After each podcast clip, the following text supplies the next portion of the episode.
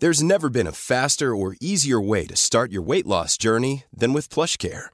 PlushCare accepts most insurance plans and gives you online access to board-certified physicians who can prescribe FDA-approved weight loss medications like Wigovi and Zepbound for those who qualify. Take charge of your health and speak with a board-certified physician about a weight loss plan that's right for you. Get started today at plushcare.com slash weight loss. That's plushcare.com slash weight loss. plushcare.com slash weight loss. Since 2013, Bombas has donated over 100 million socks, underwear, and t-shirts to those facing homelessness. If we counted those on air, this ad would last over 1,157 days. But if we counted the time it takes to make a donation possible, it would take just a few clicks. Because every time you make a purchase, Bombas donates an item to someone who needs it. Go to bombas.com slash ACAST and use code ACAST for 20% off your first purchase. That's bombas.com slash ACAST, code ACAST.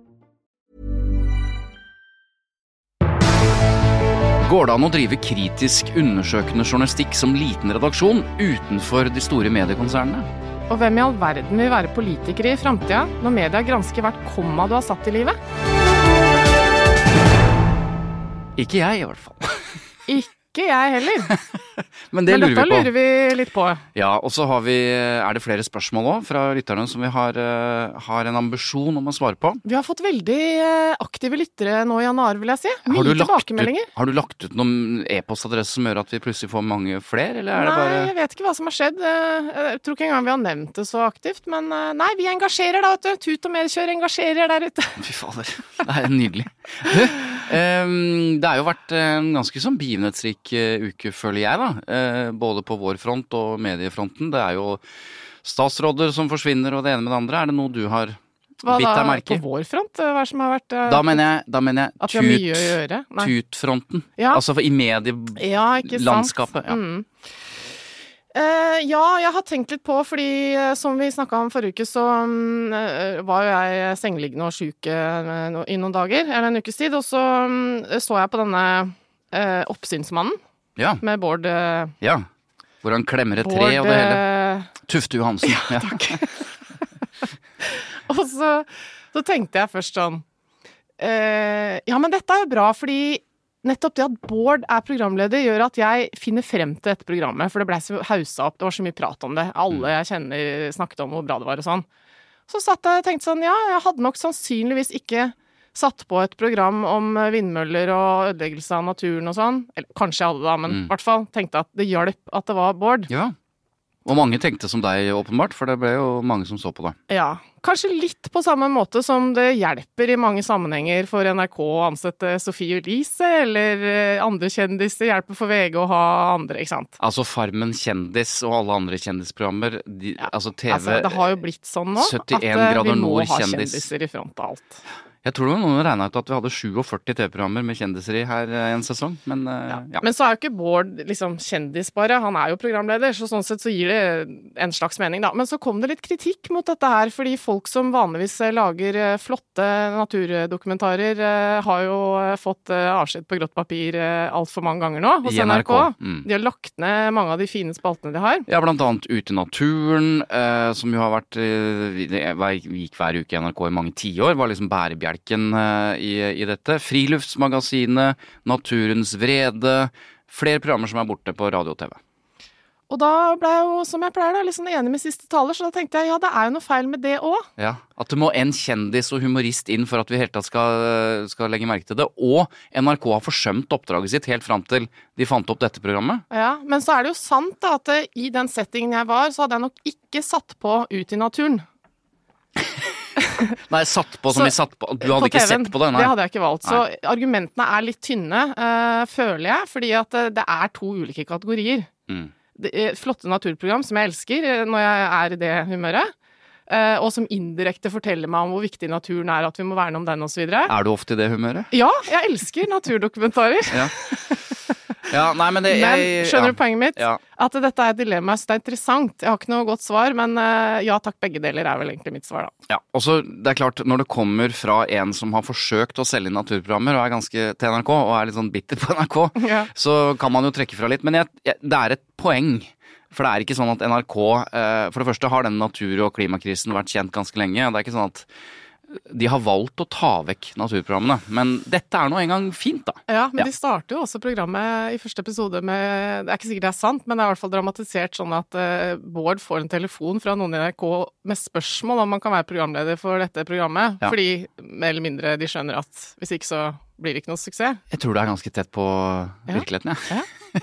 Men du, vi har en gjest i dag. Ja. som jeg er litt nysgjerrig på. Ikke bare hvorfor han øh, valgte å starte filternyheter og filtermedia, men, men egentlig hva han litt mener om en del saker vi har øh, sett i den siste tida. For han er en meningssterk øh, redaktør og journalist. Ja, han er eh, ofte en av de første, hvis jeg en sjelden gang iblant ytrer meg om noe, f.eks. på Facebook, så kommer veldig ofte Harald Klungtveit uh, under der, Ja. og er uenig på sak. Harald Klungtveit, velkommen til Tut og Mediekjør. Tusen takk. Ja. Du, altså, du hoppa av tabloidkjøret etter ti år i Dagbladet og starta altså den uavhengige nettavisen og magasinet Filter Nyheter. Den seriøse delen av journalistikken. Eh, la meg sitere fra deres egne, eget postulat. Vi prioriterer fakta foran følelser, klimakrise foran kjendiser, og kaster ikke bort tid på nyhetsmeldinger du kan lese mange andre steder. Og så skriver dere også at vi selger ikke reklameplass midt blant nyhetsstoffet, der leserne blir lurt til å tro at annonser er journalistikk. Det høres ut som din avis, Eva! ja, det er det jo på en måte òg. Ja. Jeg har i hvert fall vært abonnent en stund. Men uh, som jeg nevnte her uh, før vi satte oss ned, at jeg formøtte meg sjøl litt i døra, da. For jeg etterlyser jo den type journalistikk. Hele tiden. Har ikke alltid tid til det. Men velkommen, uh, Harald. Du har også bare for ordens skyld starta som mange journalister i studentavis, før du jobba i Adresseavisa og da ti år i Dagbladet. Kan jeg spørre hva som gjorde at du hoppa av tabloidkjøret og starta denne avisa? Det var jo noen litt heldige sammentreff. Um, men for meg så klaffa det jo litt å gjøre noe helt annet og spenstig etter, som du sier, ti år med, med veldig spennende nyhetsjournalistikk i Dagbladet, men som jeg jo også så at kom ikke til å vare evig. Altså hadde, hadde Dagbladet forblitt det det var når eh, i, midtveis i min karriere der, så, så hadde jeg sikkert blitt værende mye, mye lenger. Men alle, alle kunne se at det ikke ville vare. Altså, det hadde vært den gang flere nedbemanningsprosesser. Uh, jeg satt som klubbleder også og så dette Ja. på veld, Ja, det. veldig nært hold. Så da, da blir man jo litt, litt sånn desillusjonert på, grunn av, altså, på vegne av bransjen og alt mulig. Uh, så, så alt det der kulminerte samtidig som som eh, venner med Dagbladet Fortid eh, kom til meg med en del planer som var veldig spennende. Mm. Kan vi tolke dette som kritikk av dagens Dagbladet? Nei, altså, jeg, jeg prøver jo å ikke bli en av de eks-Dagbladet-folka der. Så alt var jeg sitter, bedre før? Så jeg sitter, jeg sitter på hendene hver eneste dag i sosiale det, ja. medier. så jeg skal, ikke, jeg skal ikke begynne med det her. Nei. Vi hadde jo Dagbladets nyhetsredaktør som gjest eh, forrige uke. Det var en Ja. frisk, eh, frisk eh, diskusjon. Men hvis du allerede for åtte år siden tenkte at det var nok med Dagbladet, så, så er jo Dagbladet også utviklet seg veldig i en retning eh, i dag. Men eh, du frastår å kommentere det hver dag. Ja, altså, men det er ingen hemmelighet at jeg ikke ville sette pris på den utviklingen. hvis Nei, jeg nei, Det det. sier seg litt selv når man ser på Filter nyheter, da. Men hva er, hva er Filter egentlig? Hva har det blitt for et produkt? Um, det jeg tror folk kjenner igjen, er disse altså, konsekvent grundige sakene. Altså at vi vi tvinger oss selv til å legge bort eh, hastverket og faktisk gjøre det som må gjøres, og litt til, før vi, før vi trykker på publisere-knappen. Um, det høres litt sånn vidløftig ut, uh, og det kan jo være vidt spennende i temaene. Altså fra nasjonal politikk til utenriks, og nå kommer vi til å fokusere masse på valgkampen i USA, f.eks. Allmenne, svære mm. temaer. Ja, som alle andre gjør også. Ja, ikke sant? Um, men der vi ser at leserne gjenkjenner uh, den grundigheten og den tonen og den eh, nerdingen da, som det, som det er noen ganger. Eh, og som du sier, det er sikkert ikke alle som får tid til å lese alt, men jeg tror at eh, på de temaene de man er interessert i, så, så, så kjenner man igjen det. da. Men dette er jo, øh, kan jo være musikk i, i ørene til journalister i enhver redaksjon. Det å få muligheten og tid til å både gjøre seg ferdig, det å bruke tid. Men de har ikke tid, ikke råd, ikke mulighet. Eh, Hva er det som gjør at dere kan gjøre det? Altså, hvilken rik onkel er det som betaler dere for å For dere er jo både tid. på nett og papir, Ja, ja. så det er ikke noe Dere må jo leve, dere òg. Ja, nei, sant. Vi har jo hatt eh, fryktelig snille eiere som har latt oss eh, utvikle dette i, i, eh, i noen helt forferdelige nedgangstider for oss også, med sånn eksterne faktorer som korona og sånn, som, kom, eh, som var i ferd med å ta knekken på oss. Men der vi i stedet fikk et eh, papirmagasin som, eh, Ja. som eh, abonnenten er veldig fornøyd med nå. Um, men det handler jo om altså Journalistisk så handler det jo om å velge bort uh, ting. Altså vi, vi, vi dekker ingenting, eller i hvert fall veldig få uh, nisjer som vi føler at vi liksom uh, har ansvaret for å, å, å dekke i det ukentlige. Um, og da kjøper man seg jo tid til å velge akkurat hva man mener er viktig å gjøre akkurat nå.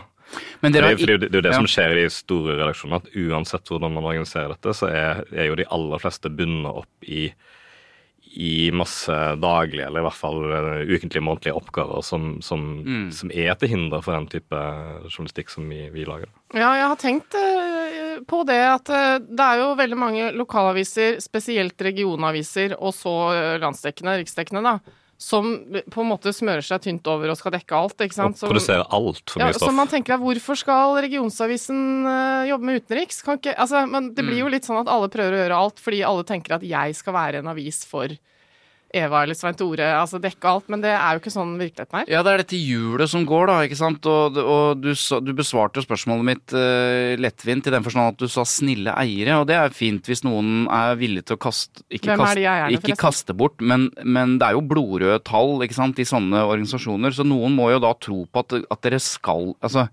Altså, er det, er, det liksom, er, det et tapsprosjekt, eller er, har dere en plan om at dere faktisk skal tjene penger etter hvert? Nei, altså det, det er jo ingen som hadde holdt på med dette hvis man skulle ønske å blø, man- blø penger inn i Hvis man ikke er veldig snill, da. Det er noe med det. Ja. Men, men sånn som nå har vi jo eh, endt opp med å få pressestøtte. Mm, gratulerer med det. Eh, tusen takk. Dette det kommer vi tilbake til. det, var ikke, det var ikke der vi hadde trodd vi skulle havne når vi startet dette, så såpass ærlig må jeg jo eh, være å si. Men det, det gir oss jo en stabilitet kortsiktig og et driv for å utvikle oss for å få masse nye abonnenter. Da. Mm. Kanskje vi skal må ta det det med en vi gang? ha en sett. Ja. Når vi først er der, altså først, hva er pressestøtte? Bare sånn for de som ikke Det har fulgt er en med i timen. statlig ordning som Mm. politikerne har funnet ut gjennom utarbeidelse av en eh, mediepolitikk som skal liksom gjøre at vi får et mediemangfold. Så har de bestemt seg for at noen publikasjoner som kvalifiserer til en støtte, skal få det, sånn at vi ikke bare har de mest kommersielle og de som tjener mest penger, som skal bidra til å opplyse om mediemangfold. Så ikke det betyr bare er markedsøkonomien Ja. som styrer, og det er Medietilsynet som utøver denne øh, tildelingen, Ja, og så er det si, som voldsom, øh, øh, er juryen her. Ja, og så er det veldig spenn. Noen får jo titalls millioner av kroner, mens Filter Media får typ 2,5 millioner eller noe sånt. Dere fikk i, i fjor, da. Og, grei, ja, og greia er at øh, det har vært et slags krav om at man må ha debatt som en del av produktet ja. øh, for å få pressestøtte. Det Så syns ikke du var så viktig. Hvordan gikk dette her? Uh, nei, vi fikk et avslag først fordi de da liksom mangla noen tellekanter på det som Medietilsynet definerer som debattstoff. Eh, og så kan vi jo krangle lenge om hva, hva debattstoff er, og hva god debatt er, om det finnes kvalitetsforskjeller på vårt meningsstoff kontra Mm. uh, de leserinnleggene i Ja, for jeg husker du sånn. sa at Ja. øh, det er nok av medier som øh, liksom slipper til snakkeklassen, så hvorfor skal alle måtte gjøre det? Og Ja, men- og- da var jeg for en gangs skyld veldig enig. Og her teller man jo til og med sånne masseproduserte innlegg fra politiske partier som er distribuert i masse aviser. og- Ja, det er ikke noe, det er ingen kvalitet. Men var det dere som uh, dro opp menings- og debattstoffet, eller var det Medietilsynet som senka krava for at dere da endelig fikk det? Nei, det var, det var vel våre allerede etablerte publiseringstakt som fikk en helårseffekt, tror jeg. Altså det var ikke, vi, vi tok ingen større grep der. Um, så, men vi var ganske trygge på at vi var innafor når de så på det på nytt, da, for å si det enkelt. Du, vi skal snart snakke litt om hva dere faktisk dekker. Det er jo sånn at du, Det du kanskje er mest kjent for journalistisk, som du også har skrevet bok om, er jo ekstremisme, og spesielt av høyreekstreme. ikke sant? Og, og du, har jo vært, du er jo i stadig krangel med de høyreekstreme miljøene, og dere melder hverandre inn. Typ Dokument 2 og Resett og, og Filter er jo stadig sånn presseetisk krangel. Som Har du- du, Han har vel ikke kalt de høyreekstreme, da? Nei, nei, er- beklager, Mm. men i hvert fall de skal vi si, utenfor mainstream media som ligger litt til høyre. da, Du er stadig i krangel med det, og det og ender jo stort sett med at eh, de at du vinner fram, og i hvert fall sett fra utsiden, og de ikke gjør det. Har det gjort, deg utrygg? Har du hatt trusler eh, siden du holdt på med dette her? Jeg må bare spørre om det. Veldig sjelden. Ja. Uh, hatt to straffesaker mot eh, trusselmakere Mm. tidligere. Oh, ja, ja, ja. Hva er du er mest stolt av å ha fått til, journalistisk, i løpet av disse sju-åtte årene? Oi, det er, altså det er mange ting, så jeg skal ikke begynne med å ramse opp enkeltsaker. Men, men det er jo en grunn til at vi fikk en status på dette med, med høyreekstremisme. Um, som, sånn, som, som starta litt sånn tilfeldig. Jeg hadde tenkt å lage en stor feature eller kanskje en liten artikkelserie.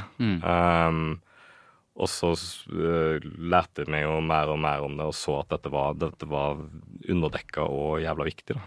Um, Eh, så, så det, ja, det, det at vi har klart å markere oss på uh, det som jo på en måte ikke skulle vært en nisje i Norge etter 22. juli, det, det er jo det er Og, jeg, og, det, og det har vært litt av poenget ditt. Jeg har sett at du liksom har gått imot det narrativet, og at veldig Altså 22. juli, eh, terroristen der og en del andre At det blir ofte omtalt som sånne ensomme ulver. At det ikke er et miljø, men at det er liksom Vi kan nærmest ikke beskytte oss mot eh, noen som er klin gærne og plutselig bestemmer seg for å gjøre stor skade. Men det, det har du vært liksom eh, ganske motstander av eh, etter å ha dekket dette miljøet. Kan du bare si litt om det?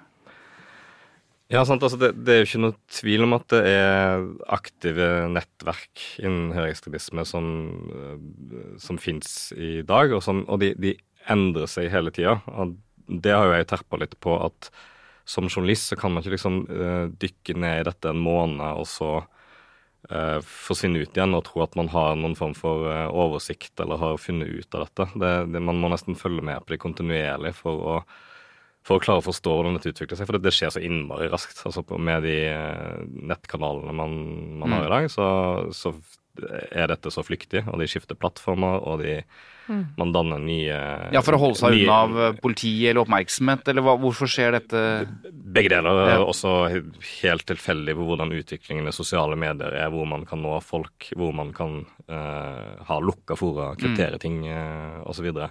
så det, det, er en, altså det er en eh, nesten umulig oppgave også for oss som er veldig interessert i det, å prøve å holde, holde tritt med dette. Men du, du har altså fulgt dette veldig nøye, du har skrevet bok om det. Og det er også sånn at eh, selv om politiet også prøver å holde tritt, så har altså politiet de kalt inn deg til avhør basert på en eh, gravesak om eh, annet han eh, Hva heter det, han som var leder for partiet, eller Alliansen, eller kanskje er det? Lysglimt Johansen. Lysglimt, ja. Du ble også kalt inn til politiavhør basert på den journalistikken dere har drevet, som jo på en måte kan ses på en anerkjennelse for at dere faktisk har kommet så langt at politiet syns det er interessant, men det skaper jo også en, eh, en, den vante på en måte prinsipielle eh, utfordringen og dilemmaet, da. eh, Det å måte bli, bli en del av politiets arbeid. Hvordan så du på, på akkurat den eh, delen? det vanligvis ikke så veldig komplisert. Altså det, det fordi vi jo graver på personnivå i disse miljøene, så skjer det rett som det at politiet er interessert i disse artiklene i, i etterkant. Men, men da handler ikke det så mye mer det handler ikke om det altså da, da, da, da, handler det om å eh, bare redegjøre for det som er publisert. Altså i Lysglimt-saken så besto avhøret omtrent av at jeg uh, gjentok det som sto der, på andre måter. Uh.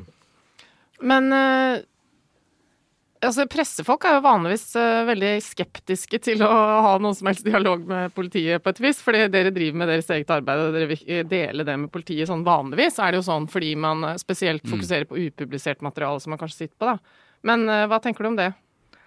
Nei, Upublisert materiale gir man jo ikke ut. Og, og det, sant, det kan jo skje at man blir spurt om ehm, eh, den, den meldingen som dere har gjengitt der, har dere skjermdumpa den, for eksempel? Mm. ja, det kan godt være, men vi sender jo ikke det til Nei, du gjør ikke det. Nei, men hvis du politiet. driver og graver deg nedi disse kaninhullene, og potensielt da, si at du oppdaget noe som var i gjære.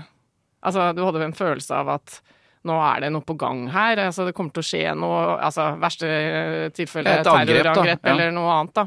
Hva gjør Hva journalister da? gjør du da? Fordi man har jo hørt altså, disse historiene om krigsfotografer som på en måte bare observerer virkeligheten og omtrent ser et barn dø av sult mens man tar bilde. Altså, hva er, hva er din holdning til det hvis du oppdager noe? Å ja, nei, jeg har akkurat det samme ansvaret for alle, an- som alle andre for å Ja. ja, ringe politiet eller varsle på annen måte hvis jeg tror at en uh, voldsaksjon er på gang, f.eks. Mm. Um, men dette, dette, skjer veldig sjelden, fordi mm. stort sett så er jo dette diskusjoner og retorikk som er sant, De er voldsfremmende. Og man snakker om våpen, og man snakker om å, til og med å drepe folk og sånn, men det er jo ikke det, er jo straffbart med en gang de går inn i en form for uh, forberedelsessnakk. Mm. Så det, det, det, det, unngår du gjerne. Men, men, det skjer jo fra tid til annen at noe er såpass uklart at de har måttet ha tatt kontakt med politiet. Det, ja. det har skjedd. Mm. Men, men, det er en ting jeg ikke skjønner. fordi dette, dette klare skillet mellom uh, å dele det som er publisert, og ikke dele det som er upublisert materiale. Og da skjønner jeg, og, og som du sier, politiet ber deg nesten om å redegjøre for det som har stått på trykk. men det men de kan jo bare lese den artikkelen. Altså Grunnen til at de henter deg nå er jo fordi de har håp om å få en mer informasjon enn det de kan lese seg til. Eh, så, og det er der de ofte spør om Men jeg skjønner liksom ikke verdien av å avhøre journalister som bare skal gjenta det som står på trykk. Skjønner du hva jeg mener? Nei, men sånn er jo gjerne rettssystemet, når man skal gjøre et avhør før eh, eventuelt blir kalt inn som vitne i retten osv. Ja. Uh, altså, det er en del formalia der. Du, eh, jeg har også lagt merke til at dere, altså, dere fremstår jo forbanna seriøse. Eh, altså i ordets rette forstand, da. Men, men, og dere sliter med økonomien og har gjort det. Men så ser jeg at dere Her så jeg i sommer at eh, Filter Nyheter gir bort abonnementsinntekter til russisk journalistikk. Altså, ikke bare har dere nesten ikke penger, men så gir dere bort halvparten av det dere tjener. Eh, og det er jo en veldig flott eh, formål. Det handler om russiske journalister som forsøker å drive en slags kritisk journalistikk i det regimet. Men, eh, men hva er liksom tanke... Er det innfallsmetoden? Ble det, liksom, hva, hvorfor? Altså, nå ble jo dette veldig symbolske summer uansett. Um, men, men, det var mer som en gest. Mm. Eh, og i denne spesialutgaven der vi som utelukkende består av tekster fra russiske dissidenter, ja. for å gi et eh, sånn førstehåndsinnblikk i hva som skjer i Putins Russland nå, altså mens Ukraina-krigen eh, pågår. Um, og så har vi skrevet flere artikler også der vi liksom peker på disse uavhengige medieaktørene som mot alle odds uh, fortsette, delvis i eksil osv. Og, så og ja, og jeg synes det er veldig viktig å formidle det, da, at det fins. Mm. Og, og, at det er noe man kan følge med på på, på engelsk. Altså, de er jo, uh, veldig mange er jo flinke til å ha engelskspråklige sider osv. Mm.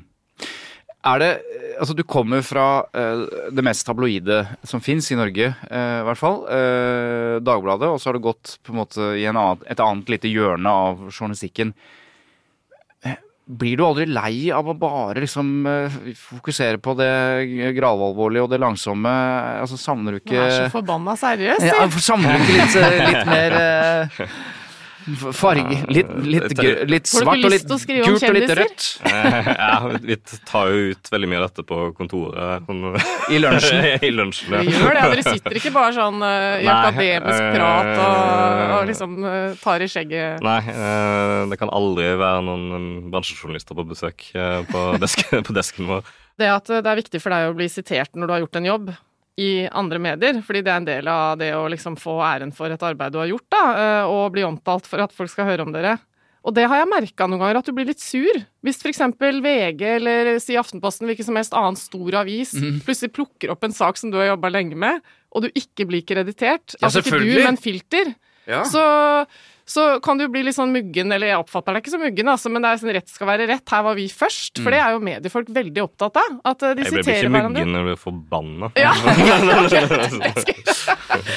Men, og det tar meg over til liksom ukas uh, store sak. Oh, ja. altså, Sitatretten har jo et, et visst slektskap med det som har vært så Borch og Kjerkol og greier om mm. masteroppgaver nå. Men før vi går dit, kan du bare kommentere hvordan er det i presseverden dette med sitering og det å være rause nok til å si at uh, det kommer noe en gang herfra, fra filter? Det har blitt veldig mye bedre, nettopp ja. fordi man blir called out i sosiale medier uh, hvis man ikke gjør det. Prøver og seg på en Det er jo litt pinlig, mm. uh, og det, det, føler nok veldig mange på. Så dermed så har man blitt flinkere.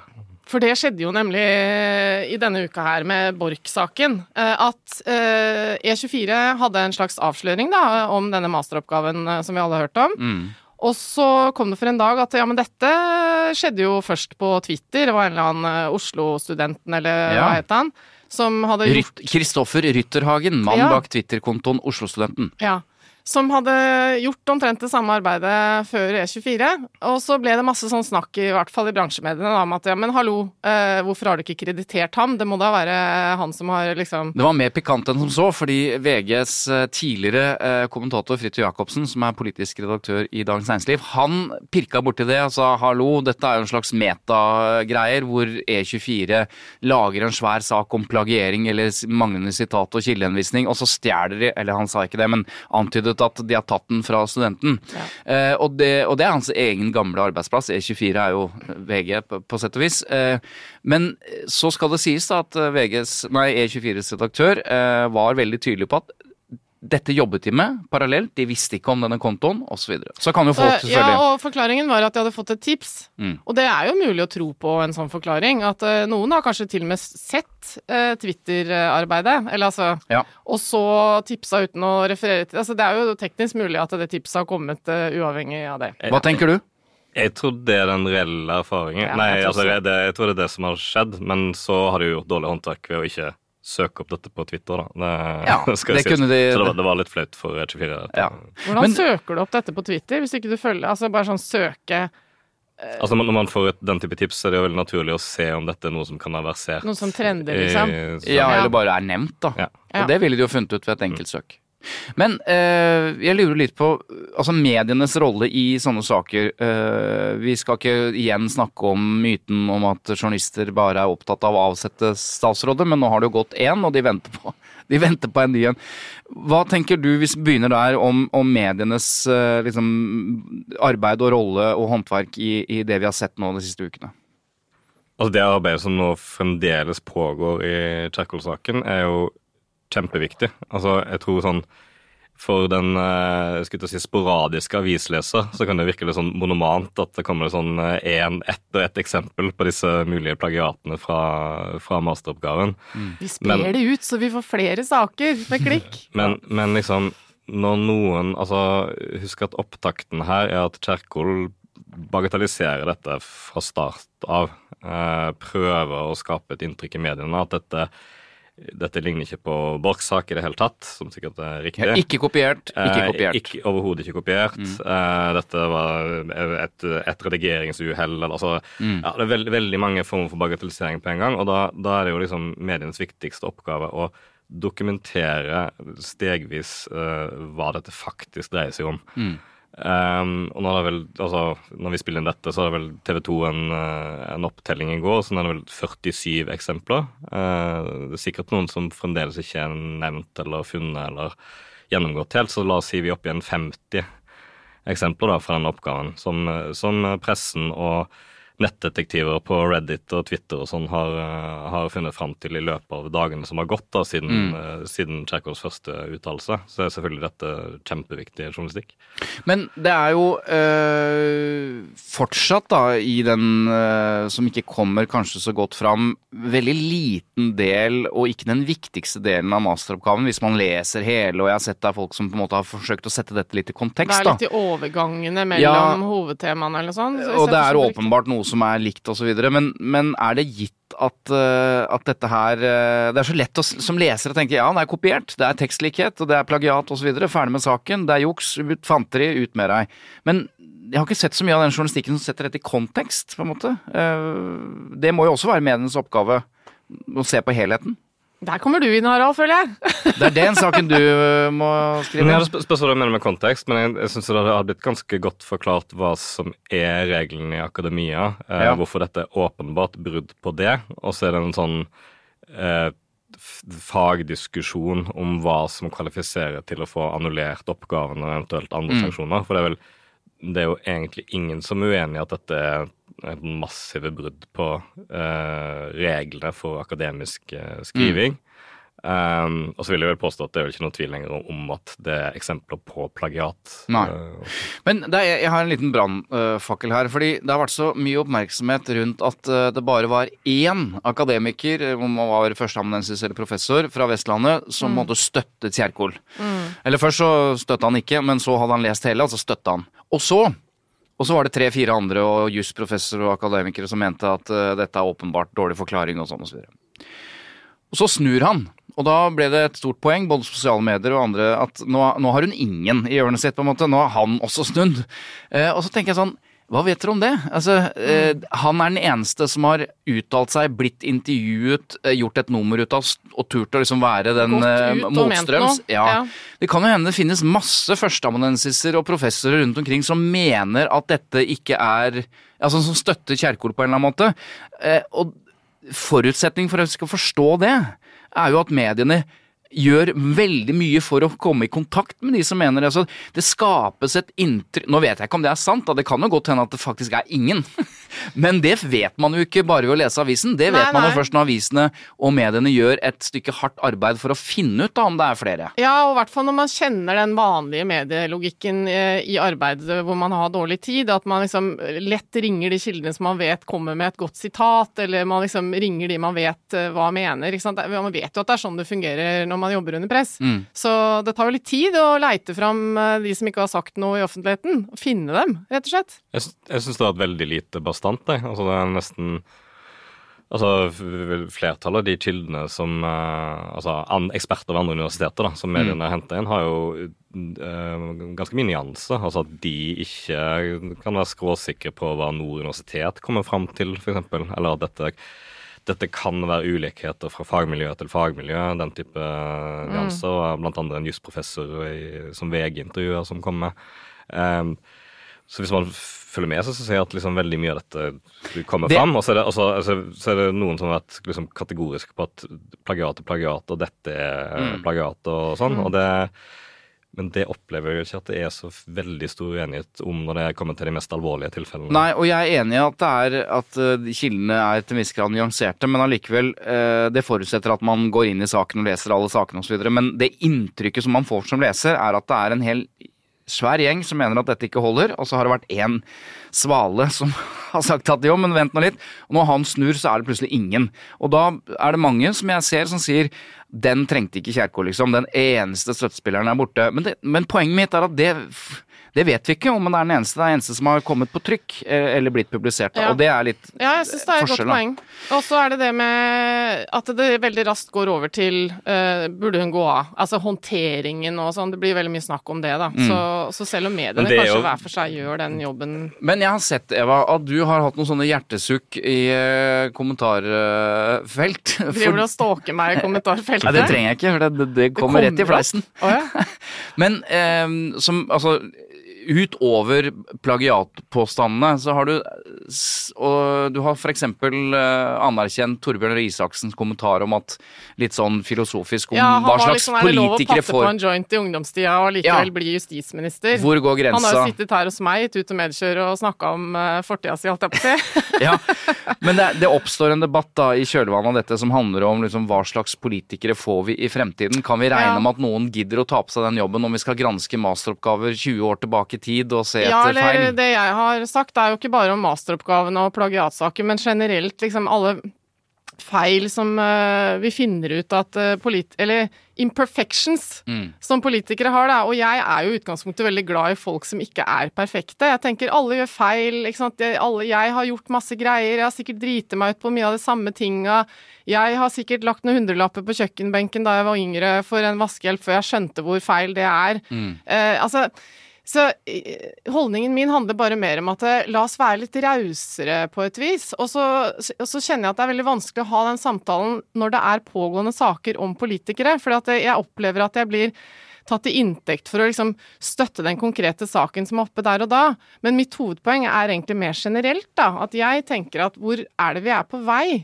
Når vi stadig leser i mediene om små og store feil, noen er alvorlige, Noen er etter min mening mindre alvorlige, i hvert fall ikke så alvorlige at jeg mister tillit til dem som politikere. Eh, Og spesielt så handler det om at eh, noen har gjort noe som mennesker med sine feil og mangler, eh, som jeg kan tilgi. Fordi jeg tenker at det at du har driti deg ut der, det gjør ikke noe for meg i forhold til den jobben du er satt til å gjøre. Jeg har fortsatt tillit til at eh, si eh, Altså, og igjen, da, da mener jeg ikke å si at eh, det å stjele noe På en greit. butikk er greit. Mm. Men eh, poenget mitt er mer at eh, jeg har fortsatt tillit til at Moxnes virkelig brenner for det arbeidet han gjør på Stortinget, Mm. eller som leder av Rødt, selv om han har en liten feil på en måte i personligheten sin, eller en eller annen avhengighet, eller ikke sant. Så det er mer det. Men jeg ser at når jeg skriver sånne kommentarer, så kan det fort komme en eller annen, kanskje Harald Klungtveit eller noen andre, og liksom Jeg er uenig i deg i prinsippet og liksom utgangspunktet og sånn, så ja, jeg er på en måte uenig meg selv, med meg selv også, hvis det handler om at jeg blir oppfattet som at jeg kritiserer mediene for å grave i dette. Mm. For jeg mener ikke at mediene gjør noe feil. Jeg kan ikke peke på en artikkel som, som er sånn dette burde ikke VG ha skrevet. Jeg skjønner jo at VG eller Filter eller Dagbladet eller whoever eh, setter seg ned nå og, graver i masteroppgavene til regjeringen, liksom. Mm. Samtidig som jeg bare Skal vi dit? Men Eh, hvordan ser dette ut fra ditt perspektiv? Altså, norsk presse er jo fryktelig snill. Altså, Politikerne i Norge kan jo hver dag prise seg lykkelige for at de lever i Norge og ikke i Danmark eller Storbritannia eller USA eller det er sant. eh, de, de fleste andre vestlige land, egentlig. Så når du tenker på hva som er Altså, vi, vi skriver ikke om utroskap, vi skriver ikke om uh, rusproblemer hvis ikke det har fått konsekven, direkte konsekvenser. altså og utallige mange andre liksom, av de feilskjærene som, som vi liksom, tenker på som men, Menneskelige. menneskelige eh, Skriver feil. fortsatt eller om en del jeg mener du ikke burde skrive om, men jeg er helt enig Ja, med deg. ja, men, men, liksom, øh, men alt er jo ikke liksom krav om avganger. altså Det må jo være i, i gråsonesaker lov å liksom legge det ut i offentligheten, og så får velgerne ta stilling til det. da, Men jeg, men jeg syns stort i det store hele sånn ganske snilt og, og veldig gjennomtenkt hva man utsetter folk for, å- for, for å ikke. Mm. altså. Men, men det, og det er jo, det oppfatter jeg at du også mener til viss grad, Eva. Men resultatet av dette, hvis du forholder deg til det at hypotesen om at dette skaper annen, et trangt rom som ingen vil være politiker Vi fikk en ny Senterparti-statsråd nå som ingen visste hvem var, men tydeligvis en ryddig, ryddig professor. Altså, vi får noe Ja, for det, det er det jeg vil kaste inn her. Ja. Det er det som var utgangspunktet mitt for disse kommentarene du har registrert. ja. At, uh, at jeg er redd for at vi ender opp med å få jævlig kjedelige politikere. Jeg har ikke lyst på politikere som er sånn yrkes eh, karrierepolitikere som eh, liksom har Mm. blitt lært fra de var 15 år at du må for guds skyld ikke gjøre noe feil. eh, hvis du skal, skal noe sted her i politikken. For det kan jo være konsekvensen, da, Klungtveit. Ja, men, men her har jo ting veldig ofte handlet om at folk har vært uærlige og hyklerske og dobbeltmoralske når de ikke har fortalt om disse tingene, eller ført en politikk på, som er helt på tvers av sine egne, Mm. Ja. egne valg i, i, i livet. Og da, da er vi inne på noe helt annet, fordi det finnes, altså Hvis det er liksom Mime Kristiansen, som også snakker en del om disse tingene, han, han løper jo rundt og liksom skryter av sin lurvete fortid og antyder at han aldri kunne blitt statsminister. Og, sånn, helt- altså, og det er jo sånn ehm, Ingen som liksom graver i det eller kommer til å holde det mot ham, for det er liksom, han er jo helt åpen om Ja, han har en god altså, strategi. liksom, uh, Ikke sant? For han snakker Hans om plan er jo å bli statsråd, selvfølgelig. Ja, men også det at eh, det er jo det er eh, Håndteringsmessig så er det jo det som er greia, at hvis det kommer fra deg selv, og du er åpen om det hele tiden, så er det på en måte Ja, men, Så er man men, ferdig med det. men, men, men spøk til side, altså det, det er jo ingen som Altså, det vil ikke i dag blitt noen sak at, at uh, Jens Stoltenberg røyker en joint i studietida, eller altså Mm. uh, Men det ville blitt en sak hvis man er en av de eksempel en av de mest iherdige uh, forkjemperne for straffelinjen i ruspolitikken. Mm. Viser seg at det røyka Charlie hele studietida, så er jo det en, kanskje en interessant opplysning, i hvert fall noe å foreholde for vedkommende. Mm. Og kanskje spesielt hvis du har ansvaret for et eller annet eh, felt og har eh, vært litt sånn skinnhellig i offentligheten rundt eh, et tema som det viser seg etterpå at du ikke har Ja. vært så feilfri. Men La meg prøve å dra et resonnement. Mm. Jeg leste mm, en god kommentar fra Gunnar Stavrum i Nettavisen rundt dette her, hvor jeg følte at han er inne på noe av det som jeg prøver å liksom formulere i mitt eget hode, da, en eller annen logikk. Det er lettere skriftlig, vet du. Ja, ja. og da skal jeg da referere, da, for å være flink, eh, til at han hadde denne ideen om å, om å liksom linke dette opp til Jesus sine ord. Ja. Ikke sant? Den der kjente scenen, holdt jeg på å si, scenen fra filmen om Johannes evangelium, hvor Jesus sier eh, 'Den av dere som er uten synd, kan kaste den første steinen på henne'. Det var en steiningssituasjon, ikke sant? Og så sier han 'Selv jeg kan ikke eh, det', så snur seg og går. Jeg bare lurer på om han har, eh, hva han har drevet med sin masteroppgave, siden han går så voldsomt til forsvar for Kjerkol. nei, nei, det var en spøk. Men, Ja. eh, ja, men eh, alle har eh, Men- sin men- Altså, bagasje. ja, Men tilgivelsen i norsk politikk er jo nå så stor at Erna Solberg er jo i ferd med å bli statsminister igjen, og Sandra Borch blir allerede snakket om som comeback-politiker. Altså, hun har ikke vært av et kvarter før hun snakker om hvordan hun skal komme tilbake igjen. Ja, men nå, nå er det mange ting her, og Ja. jeg vil fortsette mitt resonnement, yes. Men før det skal jeg kommentere akkurat det dere sa nå, fordi, og hjelp meg å huske tilbake til hvor jeg var. Nå, nå har du struktur, Eva. Det er bra. Ja. eh, det må jeg bare få sagt. At eh, vi har hørt folk snakker om allerede nå så er det snakk om eh, Borch tilbake og sånn. Hvor kommer den fra? Fordi jeg må bare skyte inn at kommer ikke det som svar på et spørsmål fra en journalist? Jo det er jo journalistene som, Som hele spør tiden spør sånn Kan hun komme tilbake nå? Eh, må hun gå av nå? Altså, dette er jo et mediedrev som eh, Det er jo ikke sånn at eh, Ja. Vedum har liksom plukka opp telefonen og sagt Nå har det gått en dag, så nå er jeg klar for å formidle til verden at eh, eh, jeg, jeg syns at hun kan komme tilbake. Så dette må vi jo huske på. Det er mediene som driver og får dette tempoet opp. Det er sant, Ja, men nå er ikke partilederen en fersk studentpolitiker heller. Nei, så så han kunne sagt at- han. Han Det kunne, vi- han Jo, men, det, det får vi komme Han får et spørsmål, journalister ja, og ønsker et kunne han sagt Det kan vi komme, og komme helst et tilbake til. ærlig svar. Du Ja, skulle til nei. noe annet. Ja.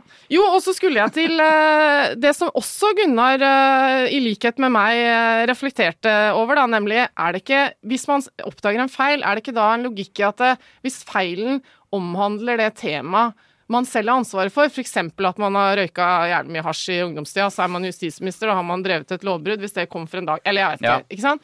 Så jeg er litt enig i det at for meg i hvert fall, og jeg føler ofte at jeg ikke er enig med røkla, men jeg lurer også på om røkla er liksom en sånn snakkeklasse i mediene, de som skriker høyest på sosiale medier, men at det er mye folk der ute som kanskje tenker litt som meg, da. Det er jo en sånn refleksjon jeg ofte har, at jeg er som, sannsynligvis ikke aleine. Og da lurer jeg på, er det det som er det avgjørende med disse sakene vi har hatt? Om feilen som er oppdaget, har noe å si for det vi har satt dem til å gjøre av jobb? La oss ta en kjapp runde på de som har vært i sånne avsløringssaker nå.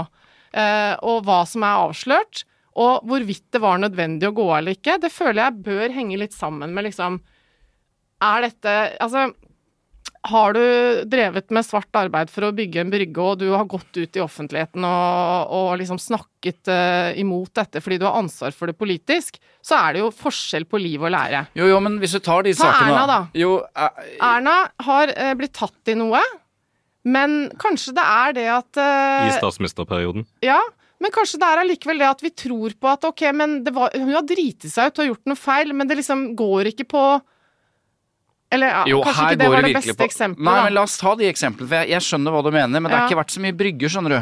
Nei. Anette Trettebergstuen går ut fordi hun har i, som statsråd Ja, vært med på å utnevne en venn. Ja, Ja, det, det han... kan vi ikke akseptere, Nei. på en måte. Uh, Hadia Tajik måtte gå av, som handlet om hennes tillit, hva hun har gjort som stortingspolitiker, Mm. liksom tillit knyttet til uh, osv.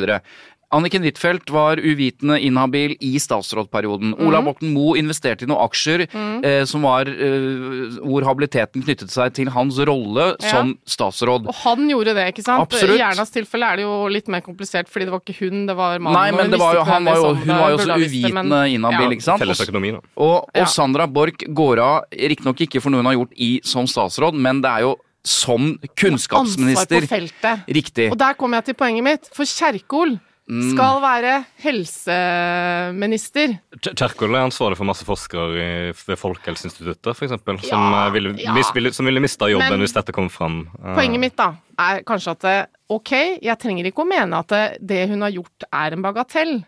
Men jeg har allikevel tillit til at hun kan gjøre en god jobb som helseminister. Ja, og der er du inne på det som er sjefen i dette landets vanskeligste jobb akkurat nå. Altså Går det an å ha tillit til en statsråd, eh, til tross for at hun har eh, eh, hatt 40 eksempler på, eh, på kopiering eller eh, tekstlikhet? Eller kan han det ikke? Og da er det store spørsmålet, skal han vente på Nord? Det vil han nå gjøre, vente på Nord universitet. Men det er jo ikke gitt at selv om Nord universitet kritiserer eller sier det er fusk osv., det er ikke gitt at statsministeren sier da har jeg ikke tillit til henne. Men det kan godt hende. Ja. Så poenget at Du er jo helt inne på det, at én feil skal ikke nødvendigvis være det som automatisk fører til at han eller folket mister tillit.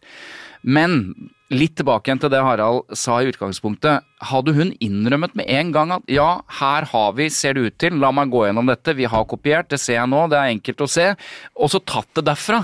Poenget er at du har en statsråd som er den øverste politiske eh, posisjonen du kan ha i Norge, og det første hun gjør er å si noe hun må gå tilbake på dagen etter. Ja. Altså Det er Ja, et eller annet med at liksom, tillit handler ikke bare om feilen, og det er der Mimmi Kristiansson kom inn i bildet. Og det er vårt kommunikasjonsråd til alle som er statsråder, skal bli statsråder. Kom nå for fuck seg clean før du tar den posisjonen og si, vet du hva, et lite øyeblikk her nå. Jeg har gjort det, jeg har gjort det, jeg har gjort det. Har jeg fortsatt tillit til eh, som statsråd, gitt alle de feilene? Ja, det har du. Topp stemning. Går inn som statsråd. Det er en annen ting, da. Altså, Herregud, kan det være så vanskelig? Bare for å komme med en digresjon. Jeg har ledd fælt av det der, for det viser seg jo nå at de der bakgrunnssjekkene som de gjør på statsministerens kontor, de er jo veldig basert på tillit, som er et veldig oppbrukt ord, eh, føler jeg nå, Mm. Ja. selv om vi er jo veldig glad i tillit i dette landet. Um, og de har veldig tillit til at eh, jeg kommer da inn, jeg har blitt spurt om å være statsråd, og så Har- har du det? Kommer, nei, nei. Nei, ja, sånn eksempel. Hypotetisk Ja, ja. sett. Tenkte kulturministeren Eh, Tenk om det hadde skjedd, da. Og så hadde jeg blitt spurt om kan du komme på noe, husker du noe eh, som du kan ha gjort? Og så, du kjenner jo meg. Hva, hva hadde skjedd da? Nei, du husker jo ikke det? Nei, jeg har jo veldig dårlig hukommelse. Ja. Så jeg husker jo ikke engang alle feilene jeg har gjort, selv om jeg veit at det er mange. Og så gjør jo ikke de noen undersøkelser. Og jeg tenker igjen, jeg er ikke aleine om å ikke huske alt jeg har gjort det hele livet. Jeg tror at de vettingprosessene, de, de intervjuene som gjør det Vi er jo journalister, eller jeg var, og du er Altså, jeg tror det kan at de intervjuene kan gjøres bedre og grundigere. Det er en liten, det er en liten tese jeg har. Ja, det tror jeg også. Og så er det jo, det er jo fremdeles som et eh, altså paradoksalt at statsråder blir jo ikke sikkerhetssjekka. Altså de, må, de må ikke gjennom det samme som byråkratene for eksempel, i departementene sine. Nei. Så der. Der glipper det nok ganske ja. mye. Du, nå fikk jeg en veldig god idé. Ja. Eh, det er jo dessverre altfor mye journalister som mister jobben nå, for det er nedskjæringer og sånn. ja.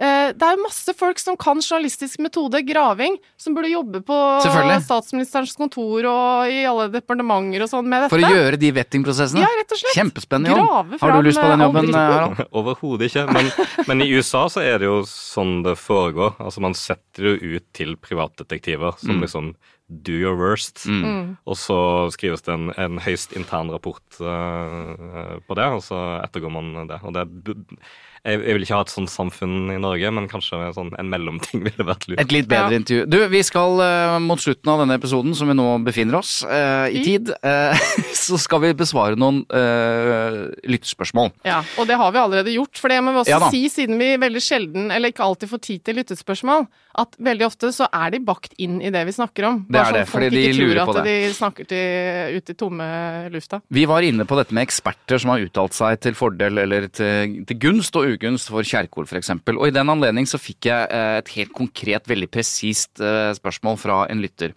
Um, han har lagt merke til en økende trend i at ekspertkilder Altså mediene er avhengig av eksperter i sin journalistikk for å liksom finne ut av hva som er, eh, hva som er vurderingene. Eh, Men at det er en økende trend i at ekspertkilder får uttale seg om ting de overhodet ikke er ekspert på i saker med politisk eh, relevans. Det er ikke veldig ukjent fra verken forbruker eller kultur eller generell nyhetsjournalistikk, men her er liksom, nå, nå varsler han alarm. To eksempler. En Hans Fredrik Martiniussen på TV 2 18.30 den fredagen sitter i bilen sin og kommenterer Sandra Borch. Åpenbart agitert, som da lytteren vår sier. Han sier absolutt ingenting som er tufta på hans jusfaglige kompetanse. Alt handler om en personlig vrede mot politikere som jukser og fusker. Altså Hadde det vært en anké, som han sier, så hadde det vært greit, men han presenteres altså som professor, ekspert, og han uttaler seg ikke om det, men alt annet. Jeg syns det er et godt poeng. da, altså Man må vite hva man skal bruke eksperter til. Et kjempegodt poeng. Ja. En, en kjepphest eh, for min del. Um, og i, sånn, i filterredaksjonen så er vi av og til i en sånn situasjon der liksom sånn eh, Skal vi ringe en ekspert eh, her? Ja. Så liksom, Nei, det skal vi ikke. Vi skal heller finne ut hva som Er- er stemmer sant, ja. riktig. Og heller, heller lese den rapporten sjøl og finne ut hva som er presist. For det er jo latskap latskap ved Ja, det. er- det er veldig ofte latskap, fordi det, det er jo veldig tidsbesparende Mm. å bare eh, putte på en tier på de som er veldig glad i å være på Dagsnytt, Sånn. og det verste er at denne lytteren har et, et konkret eksempel til. Han sier det var en SIFO-forsker da, som får komme med det som minner om politisk analyse og vurderinger av hvem som har overtaket eller hegemoniet i en politisk debatt. SIFO-forskere kan jo veldig mye om utgifter og inntekter og pris og økonomi, men er de spesielt godt rusta til å vurdere politisk strategi? Og dette var eh, Altså, er det riktig av Dagsavisen å la forskertyngden hans stå bak et budskap som handler om noe annet? Dette må, vi, dette må mediene slutte med. Ja, det er en ekspertsyke som, eh, ja, som jeg- gir den type resultater. Og vi vet jo, Eva, hvor, altså, hvor kort tid det går. Altså, jeg tror jeg hadde jobbet i kommunikasjonsbransjen i nøyaktig 20 minutter før jeg fikk en telefon fra en eller annen eh, medium som ville bruke meg som kommunikasjonsekspert. Mm. Du er jo det, da. Uh, jeg var jo ikke det da. Uh, dette er jo 15 år siden. Ja. Så jeg tenker at uh, altså, det er så- det er så lite som skal til av og til å bli ekspert. Ja, ja. Eh, og det Absolutt. andre er altså hva er vi egentlig eksperter på. USA-eksperter, Det er forskjell på det og ja. du, du kan ha vært i New York. Det er i hvert fall eh, Og da er du ekspert. Vi har et uh, lyttespørsmål til som har ligget uh, litt lenge. Ja. Uh, brakk fra en Audun, som, som begynner selvfølgelig, som vi elsker, da, med masse skryt til oss. Om, Nei, men han sier han, han er- en relativt trofast utlytter. ja, okay, det kan ja, han det er skjerpe seg på. Det er ikke bra nok. Det, Men han skriver i hvert fall for meg er det et evig dilemma hvor lista skal legges med tanke på inn i parentes habilitet, Mm. altså habilitetsissues. Det er veldig viktig i journalistikken. I perioder diskuterer jeg dette med min journalist før publisering av hver eneste sak. Du må nesten si at han er redaktør for magasinet Folkemusikk. Ja, ikke Ja, sant? så, og han, har, eh, han, er, eh, han er bare én redaktørstilling pluss én journalist. Det er en bitte liten avis. Folkemusikk. Det ville ha vært umulig å gi ut folkemusikk, altså denne avisa, eh, uten skribenter som ofte er inhabile. Men det føles også rart å skrive noe i retning av at skribenten er potensielt, prinsipielt eh, eller et eller annet inhabil.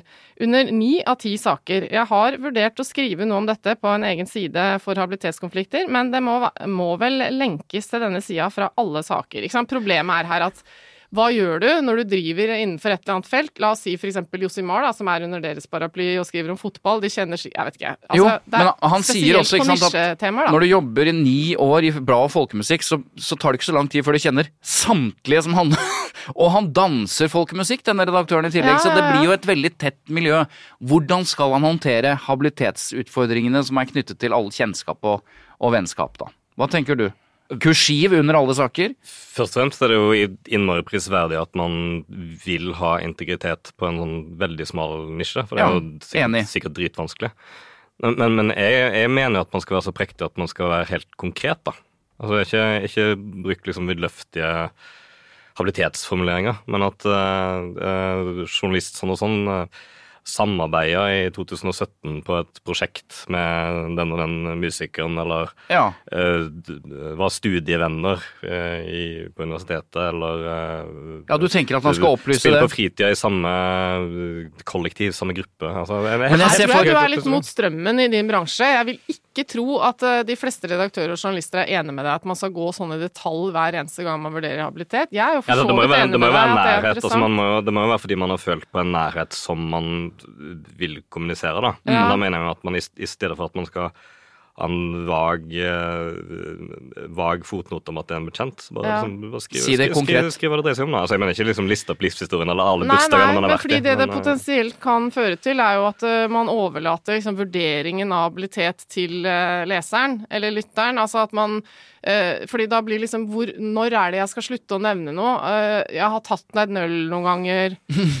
Til info så har journalisten tatt Altså I går var jeg på det er Litteraturhuset og så det hadde vært et arrangement hvor det var noen politikere og sånn, så ser jeg jo liksom Å ja, der er han journalisten og hun redaktørene som satt på bord med eh, noen av disse politikerne. Mm. Og dette er jo ikke noe ukjent, for vi veit jo at det er sånn det er. Men liksom, det de ser jo ut som venner som henger sammen veldig mye.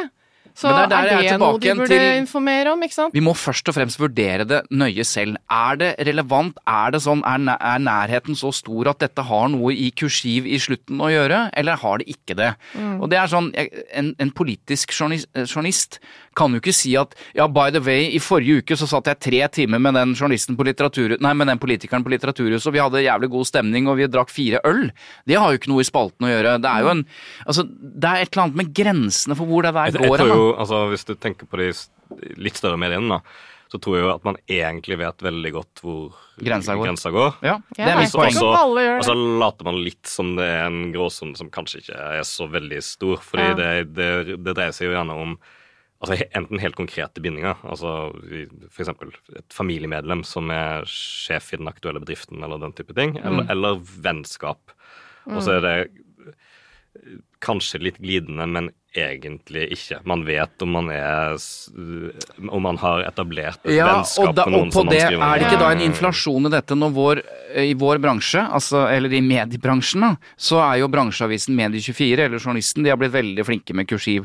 Og da lurer jeg på, jeg er helt enig med deg, Harald, vennskap, familie, altså nærhet.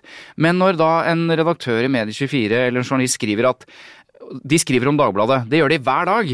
Eller eh, medier. Mm. Så står det at uh, for ordens skyld, denne journalisten jobbet i Dagbladet fra 1999 til 2004. Ah, faen?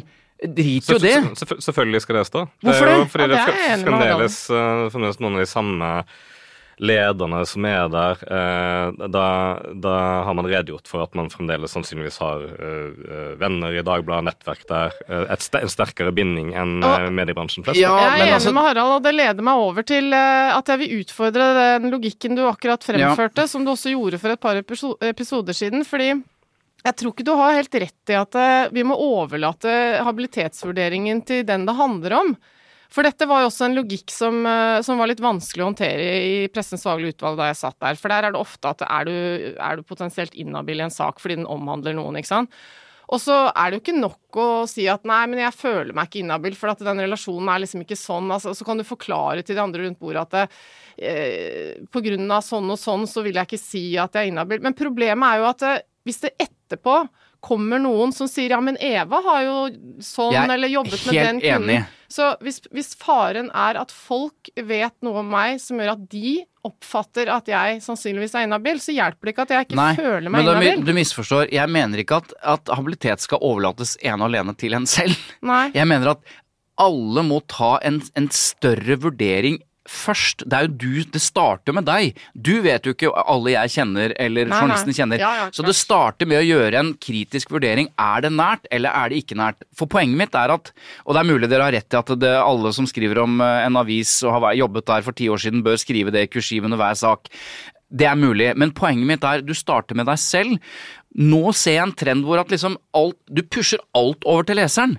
Altså, Det er mulig det var nært. Her er kursivteksten min. Ja, sånn, ja. Mm. Istedenfor å gjøre en, en, en mer sånn normal vurdering at dette er et, en firmenning som jeg ikke har sett på 25 år. Jeg driter i det.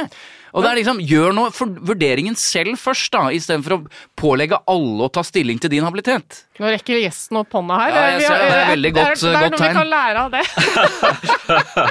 Nei, men, men jeg, sitter, altså jeg sitter en del på det hva skal man si, det mørke nettet, disse kommentarfeltene med, som er veldig sånn konspiratorisk anlagt. Mm. Uh, der er det mye skrot man ikke skal bry seg om, selvfølgelig. Men man må huske på at uh, vanlige folk Mm. eh, har et helt annet forhold til eh, habilitet enn det formelle og den type vurderinger som man Mm. gjør om noen kan skrive om noe eller ikke. Altså, De er mer på det nivået sånn Aha, jeg har funnet en avisartikkel der de, de satt i samme styre i 1997, Ja, og, de, og de, er sikkert, vet. venn- de er sikkert venner fremdeles, og dette lukter altså, altså det, Ja. det er en, en veldig Egentlig en fin refleks, da. Altså Ja. At folk er, er sånn, og så liksom vet kanskje innvidde i, i bransjen sånn at liksom dette, dette er ikke nære bånd, sånn er det overalt, og, og, og sånne ting oppstår. Men, men forklar det, da, istedenfor å Ja. liksom Eller jeg bli. Ellers så liksom blir vi blir beskyldt for å, å legge skjul på ting. Som du sier, man, det kan oppstå ting etterpå som man forklarer. Ja, det var en gråsone, men vi følte ikke behov for å skrive det akkurat nå. Og så, Jeg, jeg ser det, og jeg har vært i en heftig diskusjon eh, en, Jeg tror ikke det var en lytter, men noen som henvendte seg til meg som For jeg har jobbet i Arbeiderpartiet for, eh, for noen år siden. Eh, Ja, det burde du egentlig nevne hver gang Hver gang. vi snakker om Arbeiderpartiet. Det er sant. Men det er det jeg er motstander av, da. Eh, Men poenget er at da havnet jeg i en diskusjon med en konspirat, åpenbart konspiratoriker, men jeg tenkte nå skal jeg prøve. Nå skal jeg prøve å si ja, men selv om vi bor i Oslo og, og vi er liksom journalister der og, For han brukte den type argumentasjon. Sånn helt egentlig far-fetched bindinger, men i hans hode så var det liksom det var venner, og det var konspi, konspi, og det var hele greiene. Men på, der er sånn Det er jo Du kan ikke vinne alle de, ikke sant? Jeg skjønner at uh, Nei, nei, men det er veldig mange som leser den type utlegninger og tenker liksom at Oi, det, altså, okay, ja, det var en jævla raring, men, Mm. uh, men, uh, men det, det høres ut som det er noe i det. Mm. Eller at eh, her, er det, her er det skjulte bindinger. Og, Absolutt. Når det kommer det sånn i ettertid, så, så for- ser det jo dårligere ut. Og for skams skyld, vi som har levd i denne eh, gryta her og i denne bransjen og sånn, det er jo mye folk som kjenner hverandre. Det skal sies. Ja, det er, det, er kort, det er kort vei.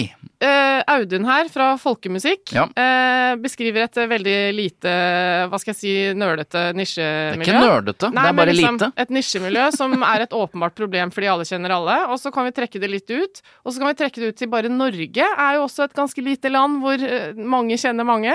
Så dette er jo en generell greie da i, i små samfunn. Mm. At det er mye møtepunkter. Ja, så vet jeg ikke om f.eks. lokalpolitikken for en lokalavis er så Ja. mye mindre nisje enn folkemusikk på landsbasis, f.eks. Altså det kan være ganske nære, nære bindinger. Ak ak akkurat det. og det, det sam, altså samspillet slash samrøret som vi er inne på når vi nå snakker om sånn, ja, medier og politikere i, i Oslo og sånn, det er masse folk som ikke syns det er greit i det hele tatt. Ja, er. Absolutt, det er det. Um, og liksom, hvorfor ikke synliggjøre en flik av det, da, Mm. hvis vi kan? Så spørsmålet nå er om Audun fikk svar på det han lurte på. Uh, skal vi oppsummere Jeg tror rådet fra Harald, i hvert fall, Ja. er uh, Ta deg bryet, kjempefint at du prøver. Skriv hver gang du tenker at det er noe slags eh, potensiell inhabilitet. Som han Beskriv- sier er i ni av ti artikler. Beskriv et eller annet, Mm. så leserne selv kan forstå utfordringen. Ja. Og mitt råd er drit i det. Kjør på! Nei da da, jeg bare tuller. da, fikk, da får du da, pick and choose. Da tror jeg vi må runde av, faktisk. Eh, Nå har vi vel runda timen, så da sier vi takk for oss. Takk for, eh, takk for gjesten som kom til uh, Tut og Mediekjør, Harald S. Klunkfeit. Kan jeg tippe hva den S-en står for? Klungtveit.